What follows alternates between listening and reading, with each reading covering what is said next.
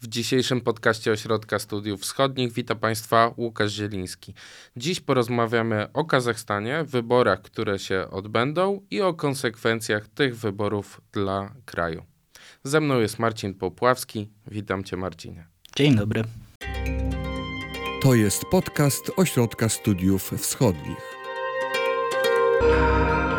19 stycznia prezydent Kasem Żomart Tokajew rozwiązał Izbę Niższą Parlamentu, Marzylis, i wyznaczył wybory na 19 marca. Wyłonił one 98 deputowanych na pięcioletnią kadencję. Te wybory będą zupełnie inne od poprzednich. Dlaczego? Wybory stanowią uwieńczenie cyklu, instytucjonalnego cyklu przemian w Kazachstanie, który rozpoczął się od e, krwawych protestów w styczniu ubiegłego roku. Zginęło w nich 238 osób. One doprowadziły do przetasowań w układzie rządzącym państwa i do wzmocnienia prezydentury e, Kasyma Żomarta Tokajewa, który na kanwie wydarzeń styczniowych, krwawych wydarzeń styczniowych rozpoczął reformę państwa, zakładającą odgórną liberali liberalizację jego struktur. Następnie e, w orędziu w połowie marca e, ubiegłego roku e, ogłosił zamierz zamierzenia tej reformy, które następnie zostały przegłosowane w referendum konstytucyjnym 5 czerwca. Kazachski parlament podejmował inicjatywy ustawodawcze realizujące politykę Tokajewa. Były wśród nich inicjatywy dotyczące liberalizacji systemu wyborczego, więc wybory do Mażlisu będą odbywały się na innych zasadach, zwiększających konkurencję względem poprzednich wyborów, które miały miejsce w styczniu 2021 roku. Będą stanowić y, zakończenie cyklu wyborczego, w ramach którego y, w listopadzie y, poprzedniego roku prezydent Tokajew odnowił swój mandat, a 14 stycznia tego roku odbyły się wybory, y, częściowe i pośrednie wybory y, do Senatu. Tak więc y, Tokajew w wymiarze instytucjonalnym ułożył sobie relacje z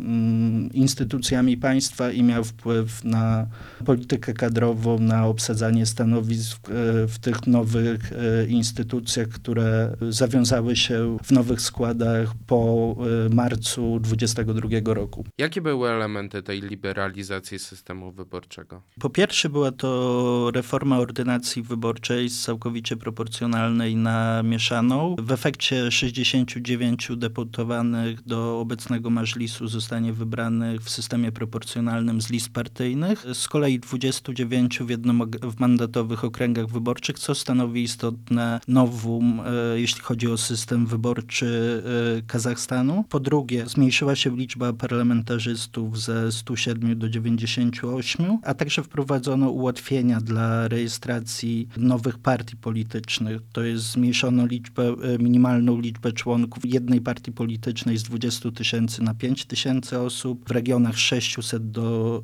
200 e, osób. Sam próg wyborczy e, ustalono na poziomie 5%. W poprzednim systemie próg wyborczy wynosił 7%. Jego przekroczenie również było trudniejsze dla kazachskich bytów politycznych politycznych. Czy te mniejsze partie mają szansę? W poprzednim Mażlisie mieliśmy reprezentowane trzy ugrupowania. Była to y, partia władzy, którą założył y, pierwszy prezydent państwa Nursultan Nazarbajew. Do marca 22 roku funkcjonowała pod nazwą Nur Otan. Obecna nazwa tej partii to Amanat. I Amanat chyba jest tą partią, która ma największe szanse. Tak, Amanat jest zdecydowanym faworytem wyborów. Mieliśmy jedno badanie opublikowane poprzedzające okres wyborczy, według którego partia ta mogła liczyć na ponad 48% głosów. Pozostałe sześć partii może liczyć na reprezentację w Nowym Mażlisie. Wyniki wszystkich w, we wspomnianym przeze mnie sondażu oscylowały wokół e, granicy progu wyborczego. To jakie partie mamy na scenie politycznej? Po pierwsze mamy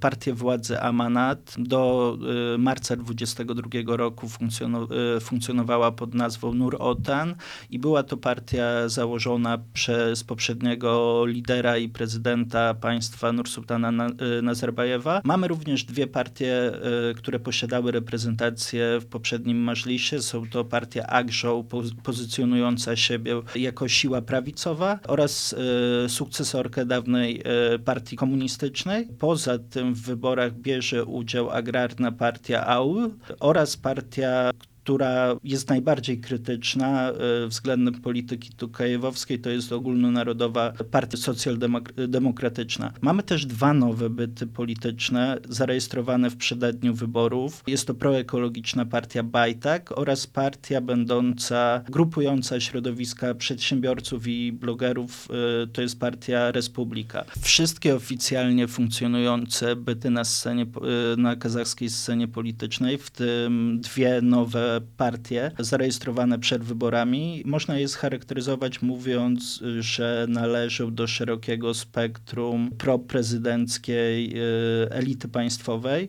Innym partiom, na przykład Demokratycznej Partii Kazachstanu, czy różnego rodzaju bytom związanym z ruchami Muhtara Abliazowa, opozycjonisty i oligarchy znajdującego się obecnie poza granicami Kazachstanu, im sukcesywnie odmawia się rejestracji. Więc mamy do czynienia ze spektrum, z poszerzeniem spektrum pola partyjnego, należy zachować ostro, ostrożność, w, y, aby y, w stosunku do tego, czy faktycznie to poszerzenie powoduje, że e, przyszły mażlis będzie bardziej reprezentatywny, a ludzie zyskają możliwość głosowania na byty, które będą e, faktycznie i jawnie krytyczne wobec e, polityki realizowanej w państwie. A jakbyśmy jeszcze wrócili do tych protestów w zeszłym roku. Jak podejście Kazachów się zmieniło? Bo mówisz o tym poparciu e, dość dużym dla Amanatu. E, czy to jest kwestia taka, że Kazachowie jakby wspierają prezydenta Tokajewa? Może inaczej, czy generalnie jego popularność od tamtego czasu się nie zmieniła, wzrosła?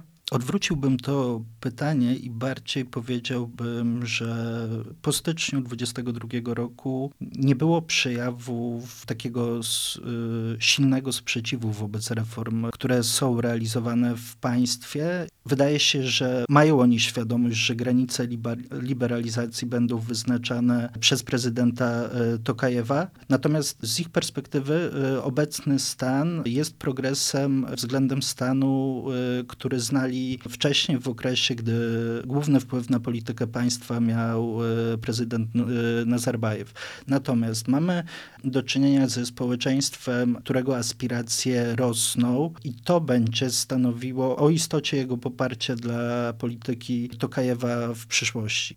Jakie będą konsekwencje tych wyborów? Bo wydaje się być to całkowite jakby zamykanie procesu korekty systemu politycznego. Jaka jest właściwie przyszłość Kazachstanu po tych wyborach? Będziemy mieli po pierwsze do czynienia, do czynienia ze sporą zmianą, jeśli chodzi o sam skład y, parlamentu. Amanat wystawił zaledwie jedną trzecią swoich y, parlamentarzystów, którzy zasiadali w poprzednim parlamencie y, na, obec, na obecne wybory. Natomiast trzon reprezentacji y, wyborczej tej partii stanowią doświadczeni politycy i y, o których można powiedzieć, że y, są lojalni i że zyskali zaufanie prezydenta Tokajewa jak przewodniczący poprzedniego Mażlisu Erlan Koszanow. Natomiast sam parlament i sam mandat parlamentarzystów, trudno po nich oczekiwać, żeby miały doprowadzić do deklarowanego przez Tokajewa przełomu. To jest od przejścia od systemu superprezydenckiego do systemu prezydenckiego ograniczonego silnym parlamentem. W Kazachstanie mamy do czynienia z wyborami, w których w przeciwieństwie do Polski jako lokomotywa wyborcza nie bierze udziału premier, który jest powoływany Y, przez prezydenta. Nie ma zasady, według której wynik wyborów wpływałby na rekonstrukcję rządu i powołanie nowego, nowego premiera. Poza tym mandat parlamentarzystów jest słaby. Jest to tak zwany mandat imperatywny, jest on e, zbywalny, więc e, nawet jeśli w jednomandatowych okręgach wyborczych, w których e, swoją aktywność skoncentrowali krytycy Tokajewa, jeśli uda im się pokonać e, uwarunkowania wpływające na niską konkurencyjność w ramach wyborów, to w przyszłym parlamencie będzie zachodziła możliwość ich odwołania, a y, jeśli do nowego Majlisu dostaliby się przedstawiciele y, dwóch nowo zarejestrowanych partii, Mhm. co jest możliwe i co jest zgodne z założeniami reform politycznych y, realizowanych w Kazachstanie, to w przypadku rozwiązania tych partii oni również utraciliby y, mandat. Jeśli chodzi o sam Kazachstan i o to, czy ten kraj w ciągu ostatnich dwóch lat stał się bardziej demokratyczny i czy w perspektywie jego rozwoju realna jest e, głębsza demokra- demokratyzacja? W, w obecnym momencie bardzo trudno odpowiedzieć e, na to pytanie. Natomiast e, z pewnością granice demokratyzacji będą wyznaczane przez politykę prezydenta Tokajewa. I na tym możemy zakończyć. Marcinie, bardzo Ci dziękuję za rozmowę, a Państwa zapraszamy na kolejne odcinki. Dziękuję. Wysłuchali Państwo podcastu Ośrodka Studiów Wschodnich. Więcej nagrań można znaleźć na stronie www.osw.waw.pl.